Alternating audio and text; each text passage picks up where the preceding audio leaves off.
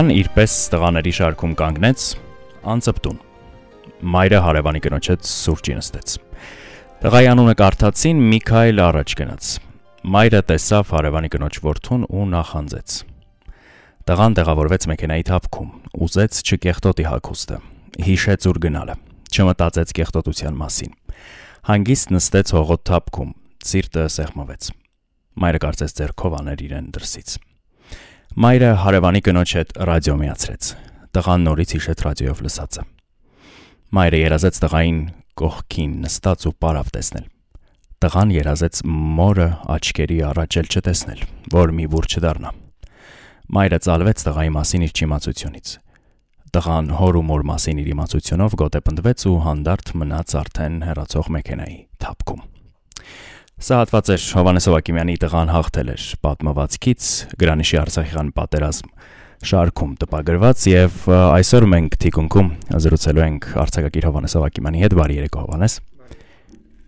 Բարի երեկո, շնորհակալ եմ այս հարցազրույցի հրավեր ընդունելու համար եւ հետաքրքիր է տղան հաղթելերը երբ է գրվել, որորը։ Արդյոք պատերազմը դեռ Պատերազմը դեռ չէր ավարտվել, պատերազմը ընթանում էր, երևի թե առաջին երկու շաբաթվա ընթացքում, երևի թե 10 օր անց պատերազմի սկսվելուց։ Կոնտրաստային պատկերները, որ կան, որոնք parավորվել են, այս պատմվածքում մարտածոլում էին այդ օրերի քո գիտակցությունը ինչ որ առումով թե իմ գիտակցությունը ու ինչ որ առումով նաև այն պատկերացումները, որ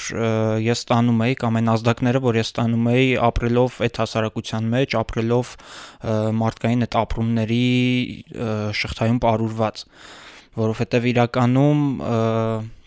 եթե կարդանք պատմվածքը կտեսնենք, որ անընդհատ այսպես իրար հա- հաջորդում են մոր ու տղայի այս կապը, մայրը ինչ էր անում, տղան ինչ էր անում, մայրը ինչ զգաց, տղան ինչ զգաց։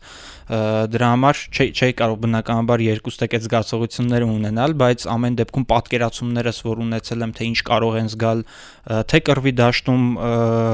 մարտնչող տղան ու թե տանը ворթուն սпасող մայրը, այդ այդ զգացողություններս եմ երևի թե փոխանցել։ Սրանք պատկերացումներ էին եւ ոչ անձնական փորձառության փոխակերպում։ Անձնական փորձառության փոխակերպում իհարկե կարելի է դիտարկել, որովհետև հարազատ եղբայրս եւս կռվում էր առաջին իսկ օրերից, երկրորդ օրվանից, այսինքն ինչ որ առումով նաև անձնականացված էր զգացողությունը։ Հետաքրքիր է, ընդհանրապես այդ օրերին բոլորի մոտ կարծես դաթար կար ստեղծագործելու իմաստով, հա, ստեղծագործող մարդկանց մոտ իհարկե նկատի ունեմ։ Քեզ մոտ դաթարը երկար է տևել եւ արդյոք այդ օրերին գրել կրկին լավագույն լուծումներ իրականության հետ հաշտվելու իրականում ես թե մինչև պատերազմը, թե պատերազմի ավարտից հետո ու թե ամբողջ ընթացքում եւ թե առհասարակ կյանքի մեջ կյանքի վերաբերյալ իմ պատկերացումներ միշտ եղել են այնպեսին, որ ամեն մարդ անկախ իրադարձություններից, որ կատարվում են իր շուրջը, պիտի զբաղվի իր գործով ինչ որ առումով եւ պիտի փորձի կատարելագործվել իր մասնագիտության շրջանակներում, հա, եթե այսպես ձևակերպեմ, դաթարը իրականում իմ ստեղծագործական դաթարը երևի թե երբեք կախված չի եղել ոչ երկրի քաղաքական, հասարակական կամ ռազմական իրադարձություններով, երբեք դրանցով պայմանավորված չի եղել, բայց իրականում բնականաբար շատ դժվար էր այդ օրերին փորձել ինչ-որ բան գրել, որովհետև ես իրականում միշտ համոզված եմ եղել, որ գրականությունը անկեղծություն է թելադրում, բայց անկեղծության նման չափաբաժնի ես պատրաստ չէի, ինձ ինձ թվում է, ես ինձ բավական երկար նախապատրաստեցի, որպեսզի կարողանամ այդ թեմային մոտենալ, որովհետև առհասարակ միշտ հայրենիքի պատերազմի կամ այդքան սուբյեկտիվիզացված զգացողությունների վերաբերյալ խոսելը, գրելը միշտ դժվար եմ համարել, որովհետև ինչքան էլ անկեղծություն է գրականությունը, միևնույն է կան կան ինչ որ շեմեր, որ որոնցից անդին դժվար է անցնել, հա։ Ինձ ինձ համար մեծ դժվարություններ պատրաստվել նախ հոգեպես, որ վերջ ես քանի որ ուրիշ ոչինչի մասին չեմ մտածում այդ օրերին, պիտի գրեմ սրա մասին։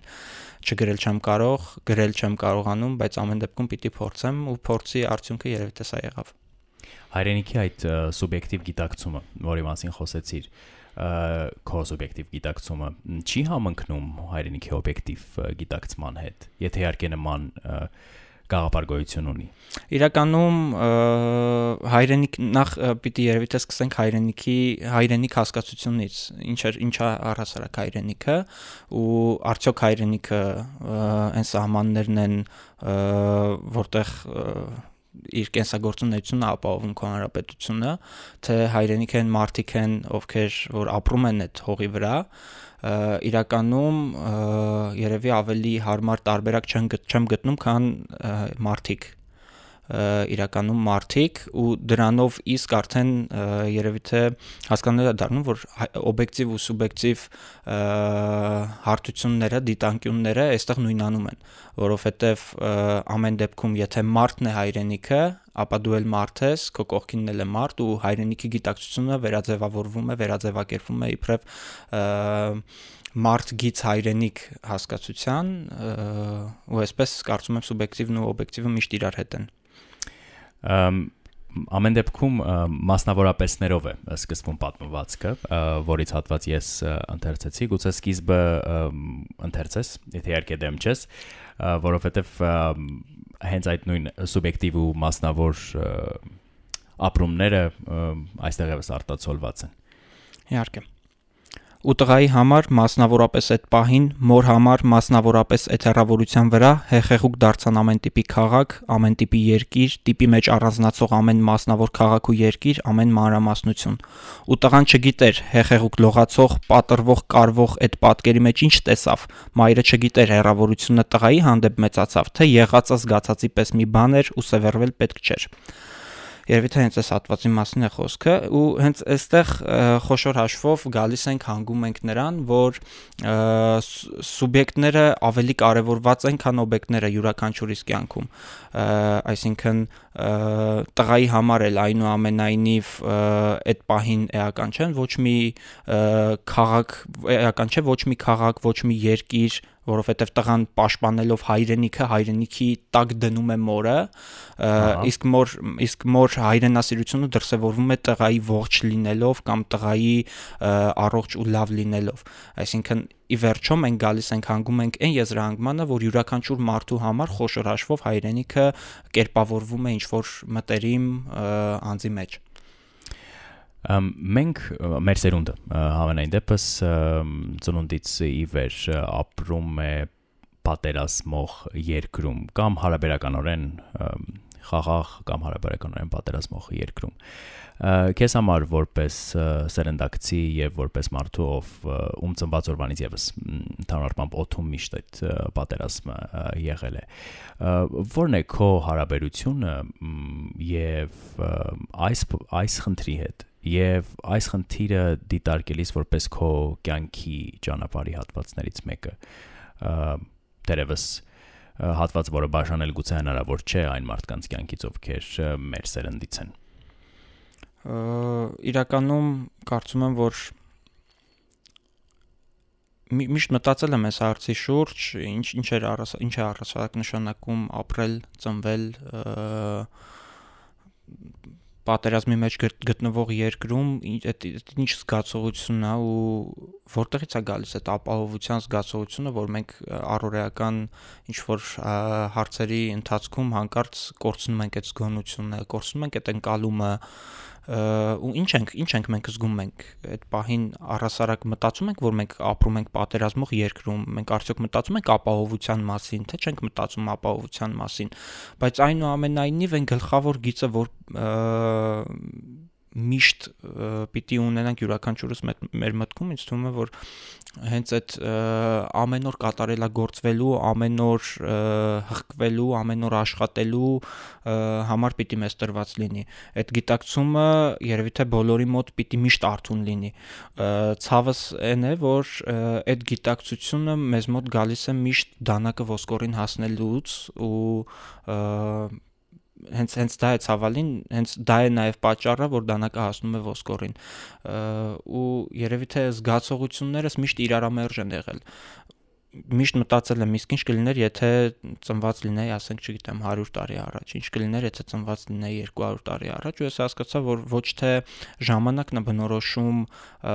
կյանքի որակը, ժամանակն է բնորոշում մտածողությունը, այլ իրականում ազգությունն է բնորոշում այդ որակն ու իրականությունը ազգությունը տալիս է թե դու ոնց պիտի ապրես ու նայելով մեր մեր ժողովրդի պատմությունը ես այնքան էլ վստահ չեմ, որ մենք վատագույն ժամանակներում ենք ծնվել ու ապրում, միանշանակ վստահ չեմ, դեռ հակառակը կարծում եմ, որ մեր ազգի ամբողջ պատմության ընթացքում մենք այս միալար դժվարությունները միշտ ունեցել ենք ու եթե ժամանակ առ ժամանակ հնարավորություն ունեցել ենք չոր դուրս գալու ջրից, ժամանակ առ ժամանակ ընդհակառակը ավելի մեծ ճնշումների, մեծ դժվարությունների ենք հանդիպել, դա դեռ չի նշանակում, որ գալու է մի էտա չափ, երբ նորից մեզ բախտը ինչ որ առումով պիտի ճպտա, չէ, բախտը միշտ չի որ ճպտում է, ոնց որ յուրաքանչյուրի կյանքում, անհատական կյանքում, այդ ձև նաև ժողովրդի կյանքում բախտը միշտ չի որ ճպտում է ու համաշխարհային պատմությունը ուսումնասիրելիս արդեն տեսնում ենք, որ բախտը վստահաբար չի ճպտում միշտ։ Ու դրա հենց հենց դրա համար եմ ես միշտ միշտ կարևորում այդ աշխատանքը սեփական անձի շուրջ, որովհետև հասարակությունը սկսվում է անձից, որ իսկ հասարակությունը ձևավորվում է նաև հայրենիքը, հասարակությունը ձևավորվում է նաև ժողովուրդը ու այս այդ միակ գիծն է եղել երևի ծնունդիցս մինչև այսօր որ բնականաբար ես էլ եմ կորցրել զգոնությունս ես էլ մոռացել եմ գրեթե միշտ որ մենք պատերազմի մեջ ենք բայց միևնույն ժամանակ յենթագիտակցորեն կարծես եկած լիներ որ չէ պետքա այս այսօր այսպես ապրեցինք, վաղը նորից աշխատում ենք։ Վաղը նորից աշխատում ենք մասնագիտության ունեցած հնարավորությունների սահմաններում կատարելագործվելու, որովհետև իմ լավը լինելը դարձնելու է քեզ ավելի լավը, քո լավը լինելը մյուսին ու սա է միակ գիծը, որ միշտ երևի թե պատերազմում գտնվող ժողովրդի զավակը, հայ այսպես ձևակերպեմ, պիտի ունենա իր գլխում։ Այն հարցադրումները, որոնց մասին խոսեցիր կամ այդ հարցադրումների շարքում երբևէ եղել է հենց այսպես բախտիմ դժխեմ ինչու չեմ ծնվել օրինակ եվրոպացի հարցադրումը եւ արդյոք եթե հակառակ կողմից նայենք այս տարիների ընթացքում հասցրել ես քո պատասխան ունենալ ինչու հայ ծնվելու հետ կապված հարցի իրականում թող պաթետիկ չհնչի կամ կեղծ չհնչի, կեղծ համեստություն չեմ սիրում, բայց երբեք մտքովս չի անցել, որ կարելի է դժգոհել ազգությունից ու ես կարծում եմ, որ առասարակ ցանկացած հարաբերություններ կամ ինչ որ համակարգեր ուսումնասիրել, ասենք սովորական ինչ որ կազմակերպություններ, ու այդպես մինչև պետություն, պետականություն ուսումնասիրելիս մենք տեսնում ենք, որ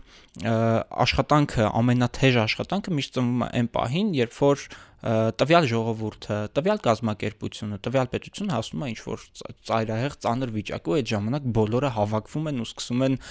աշխատել։ Ու ինձ մոտ միշտ տպավորություն է եղել, որ մեզ մոտ այդ դանակը ոսկորին պահը գրեթե միշտ է։ Ճիշտ է, շատ ժամանակ դանակը հպվում է ոսկորին, իսկ շատ ժամանակ մի քիչ հեռու է ոսկորից։ Բայց ամեն դեպքում երբեք չեմ մտածել, որ կարելի է նեղանալ ազգությունից կամ ափսոսալ հայ լինելու համար։ Ընթակառակը չեմ ուզում ասեմ թե հպարտության, որովհետև էլի պաթետիկ կհնչի հպարտությունը հայ լինելը, հայ լինելը հպարտություն գուցե եւ է բայց առաջինը դա չի գալիս մտքիս ընդհակառակը ես կարծում եմ որ հայ լինելը մեծ աշխատանք է ենթադրում հայ լինելը միտք է ենթադրում հայ լինելը զարգացում է ենթադրում որովհետև երբ որ երեխան ծնվում է բամբակների մեջ ու ապրում է բամբակների մեջ ինքը չունի էլ մոտիվացիա առ ոչինչ է ինքը իսկ այն մարդը որ ծնվում է տեսնելով ուրիշին բամբակների մեջ ու ուզում է որ իր երեխան էլ լինի բամբակների մեջ այդ ժամանակ ծնվում է ձգտումը ծնվում է ծնվում են իրական մարդկային արժեքները աշխատանքն է ծնվում այսինքն դժվարությունները միշտ ինձ համար ավելի հետաքրքիր են եղել, քան པարզ լուծումները, որ միանգամից դրված են քո առաջ ամեն դեպքում անգամ կդժվարանամ ասել թե ինչ ազգի կուզեի կուզեի լինել եթե ոչ հայ որովհետև չեմ պատկերացնում ավելի հետաքրքիր, ավելի մեծ պոտենցիալ ունեցող ազգ, քան մեր մեր ազգությունն է ընդհանրում, որովհետև իրականում եթե նայենք, հա, գուցե կան մի քանի ազգություններ, ովքեր որ ունեն նույն, չգիտեմ, անցել են նույն պատմությունը, ունեն համազոր, համարժեք մշակույթներ, բայց միևնույն ժամանակ դրանք նույնը չեն։ Ու այս այս հատկապես օրինակ գրականություն ընթերցելս էլ միշտ միշտ ինձ այդ հարցը տվել եմ, ինչքան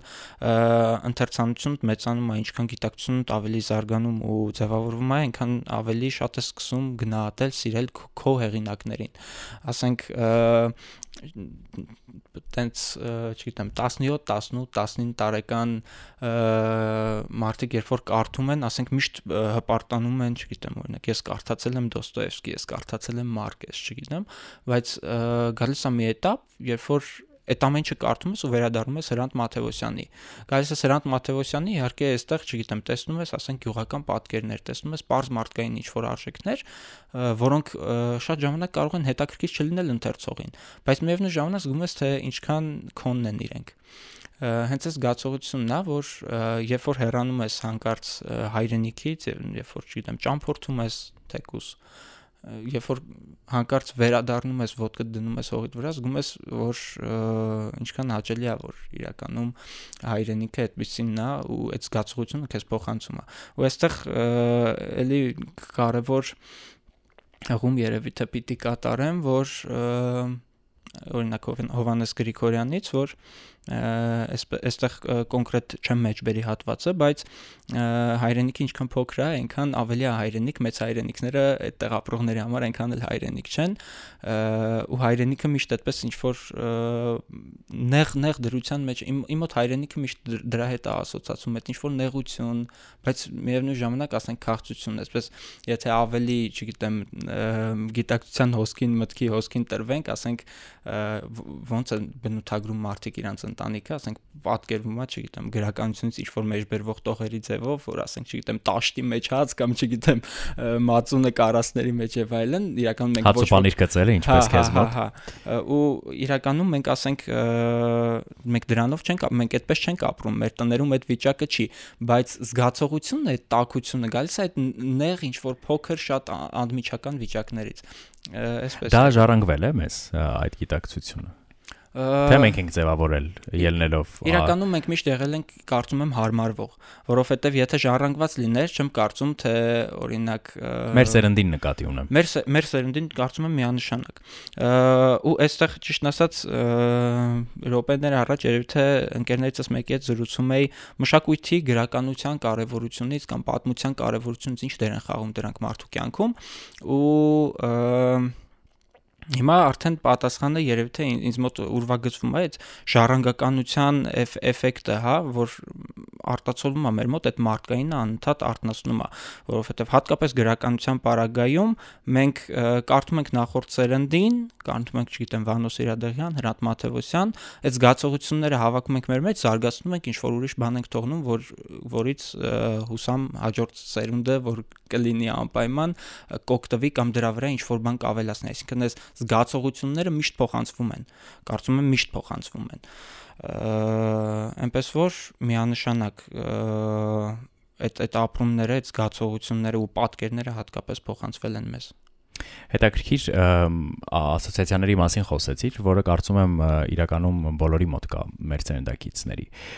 Չկա միտք կամ մղում կամ պայքար այդ ասոցիացիաների դեմ ու միտք, որ գուցե գա մի օր ու հայրենիքը մեզ մոտ չասոցացվի այ այդ նեղության կամ նեղությունից ծնվող ջերմության հետ, այլ ասոցացվի, չգիտեմ, շատ ավելի ուժեղ ու հզոր օրինակ գաղափարների հետ, որոնք իրենց ոչ թե մեր ընկալման մեր ընկալման սահմաններում են, հա, այլ իրենց առաջնային իմաստով։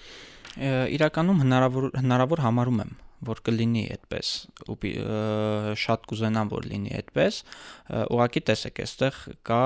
մի հետաքրքիր տարբերություն հա եթե ուժի վերաբերյալ խոսենք մեզ մոտ երբ որ մենք առհասարակ այս 26 տարիների ընթացքում 25 տարիների ընթացքում ասել ենք հայոց բանակ մեզ մոտ միշտ պատկերացել է աշխարհի ամենահզոր բանակը այս այդ ասոցիացիան ենք մենք ունեցել։ Չգիտեմ, ունեցել ենք արյուծի ասոցիացիան, որ ինքը սիմվոլ է, չէ, ինչ որ առումով ուժի սիմվոլն է, կենթանիների արքան է ամեն դեպքում նաև այդ այդ այդ սիմվոլիկան մենք զգում ենք, էլի, կամ արծիվը, որ միշտ ասոցացվել է մեր բանակի հետ բայց այստեղ շատ էական տարբերություն կա իրականությունը չկորցնելու ու միֆի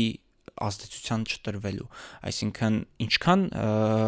հպարտ կլինեինք մենք ու ինչքան լավ կզգայինք մենք եթե մեր բանակը իրականում աշխարհում լիներ ամենաուժեղը բայց մյուս կողմից էլ ցավն այնն է որ տարիների ընթացքում 25 քառորդ դարի դարի ընթացքում մենք անընդհատ ինքներս տրվել ենք խափեության դրանով թույլատրել ենք ինքներս մեզ մենք թույլատրել ենք ինքներս մեզ մտածելով որ հայոց հաղթական բանակը վերջ ամենաուժեղ տարածաշրջանում ամենաուժեղ բանակը ունենք մենք բայց արի ու տես որ 25 տարիների ընթացքում մենք այն աշխատանքով չենք տրվել այդ բանակին, այն նվիրումով չենք եղել, որpիսի իրապես դա դարձնենք իրականություն։ Այստեղ այսինքն կա այդ միֆի ու իրականության սահմանը, շատ կարևոր սահմանը, որը չպիտի խախտվի, որովհետև եթե միֆը իրականում գոյություն չունի, դա բերում է աղետալի հետևանքների։ Միֆը հենց դրանով է միֆ։ Իսկ իրականությունը մեզ պիտի ստիպի, որ մենք աշխատենք հասնելու այդ միֆին ու մեզ համար նոր միֆեր հնարենք։ Այս նույն տրամաբանությամբ չպիտի տրվենք հանկարծ այն գիտակցությանը, որ վերջ Հայաստանը մեր գիտակցության մեջ պիտի ասոցացվի հզորության հետ պիտի ասոցացվի, չգիտեմ, մեծության հետ, պիտի ասոցացվի ազատության հետ եւ այլն եւ այլն։ Չպիտի տրվենք այդ միֆերին, ընդհակառակը պիտի աշխատենք դրա ուղղությամբ ու տա Աստված, որ ի վերջո մենք հասնենք դրան։ Բայց հանկարծ չկորցնենք իրականության զգացողությունը։ Այսինքն ես չեմ բացառում նրա համար, որ գուցե ի վերջո մենք կսթափվենք ու ի վերջո կսկսենք իրապես աշխատել պետության, պետականության զարգացման, հայրենիքի զարգացման ու հզորացման վրա կսկսենք իրապես աշխատել։ Ու այդ այդ դեպքում, եթե նորից եմ ասում, ամեն ինչ ծնվում է աշխատանքից կա աշխատանք կլինի ուժեղ հայրենիք, չկա աշխատանք չի լինի, կլինեն միֆեր։ Մեր իրականության մեջ այդքան արմատացած միֆերի մասին խոսելով ու դիտարկելով գրականության մեջ անընդհատ շրջանառվող չերի գաղափարը, որը նաև տեղ գտավ քո վերջին ստեղծագործության վերնագրում չվեբ անվանվեց, կա նաև չաստվածաշունչ եւ կան չեյով սկսվող բազմաթիվ ստեղծագործություններ, որոնք վերջին շրջանում դպվել են։ Այս չերը արտացոլում են հենց այդ միֆականությունը, որը կա մեր իրականության մեջ։ Եվ արդյոք մենք դեռ չ փակագից իրականության մեջ ենք ապրում։ Իրականում մենք խոսում ենք հիմա գրականության, ասենք, չգիտեմ, դրսևորման կամ ձևերի մասին երևի թե կամ, չգիտեմ, ոչ այնքան բովանդակության մասին։ Բայց ես չեմ ուզում ասել, որ դա ուղղակի այդպես պատահականություն էր որ կա չաստվածաշունչ Հովիկ Աֆյանի, որ կա իմ չվեպը ու այսպես կան բազում չեր որովհետև իրականում յենթագիտակցորեն ինչ ինչ որ բաներ գուցե մենք անում ենք անկախ մեզնից յուրաքանչյուրս մեր կյանքում ու ամեն մեկից մոտ դա ինչ որ կերպ է դրսևորվում գրողների պարագայում այսպես է դրսևորվել գուցե նկարիչների պարագայում մեկ այլ խապկանքի ձևով է դրսևորվել ու իրականում դա հետաքրքիր երևույթ է շատ հետաքրքիր երևույթ է, որովհետև օրինակ եթե խոսեմ իմ գրքի մասին, ես երևի թե փորձել եմ ինչ որ օպտիմալ լուծում գտնել, հա, վերնագրի հարցում, որովհետև իրականում, ասենք, իմ գրքում տեղ գտած պատմվածքները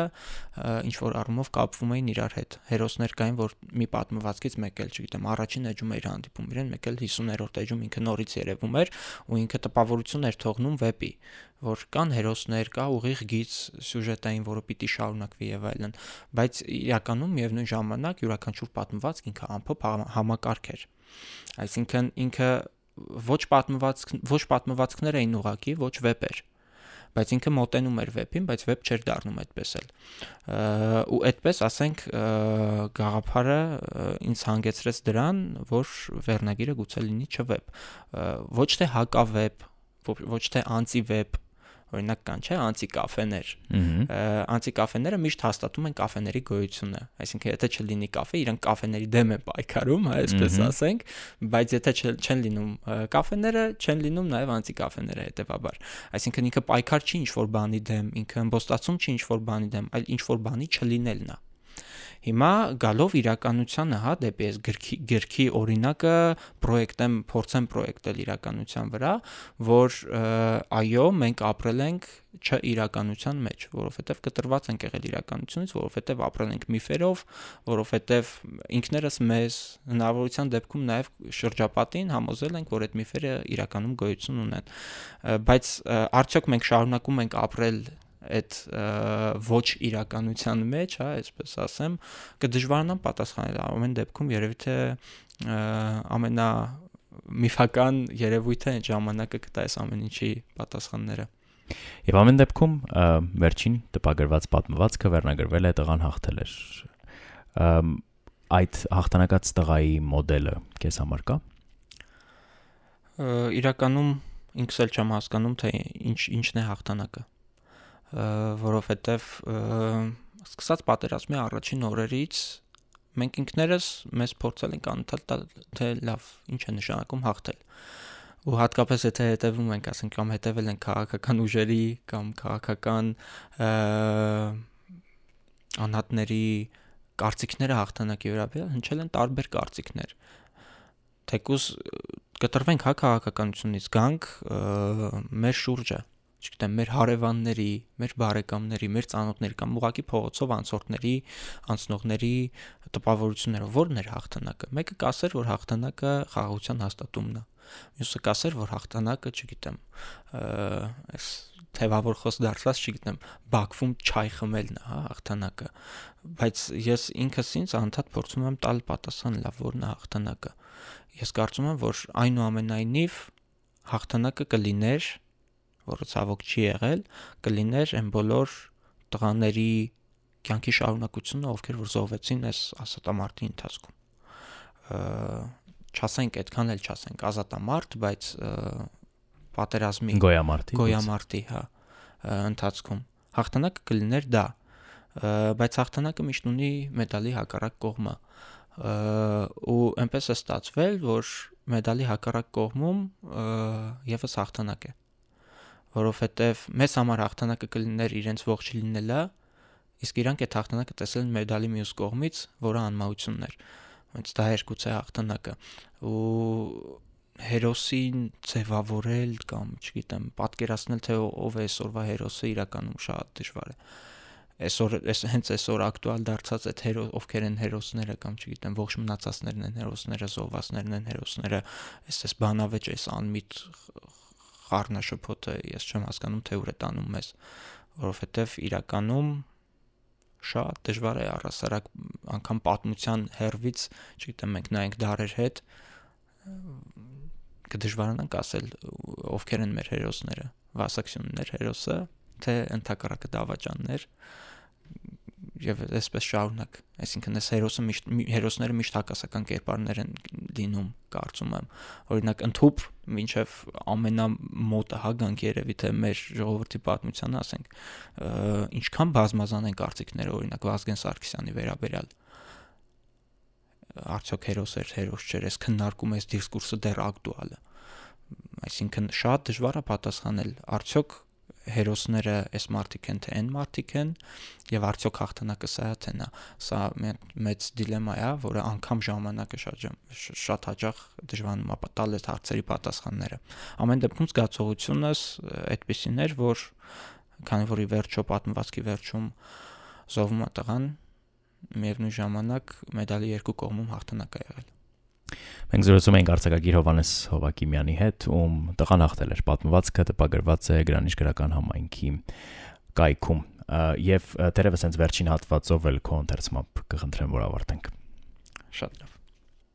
Մայրը մատը դրեց տողի վրա։ Տղան նայեց շոշափած տեղին։ Մայրը նայեց մատը դրած տողի սկզբից մինչև վերջ։ Տղան գարուն երազեց։ Մայրը գտավ համապատասխանությունը բոլոր թվերի։ Տղան կարոտեց մորն ու հորը։ Մայրը անձայն ծալվեց փողոցում։ ու տղայի համար մասնավորապես այդ պահին ու մոր համար մասնավորապես այդ հերավորության վրա հեղեղուկ դարձան ամեն տիպի քաղաք, ամեն տիպի երկիր, տիպի մեջ առանձնացող ամեն մասնավոր քաղաք ու երկիր, ամեն մանրամասնություն, տղան հաղթած տուն եկավ։ Մայրը չնայեց ամուսնու դեմքին, որ ցավից չջլատվի։ Տղային հաղթած տուն բերին։ Հայրը իրեն պարտված կարծեց, բայց հաղթել էր։ Տղան հաղթել էր։ Հաղթել էր, տղան հաղթել էր։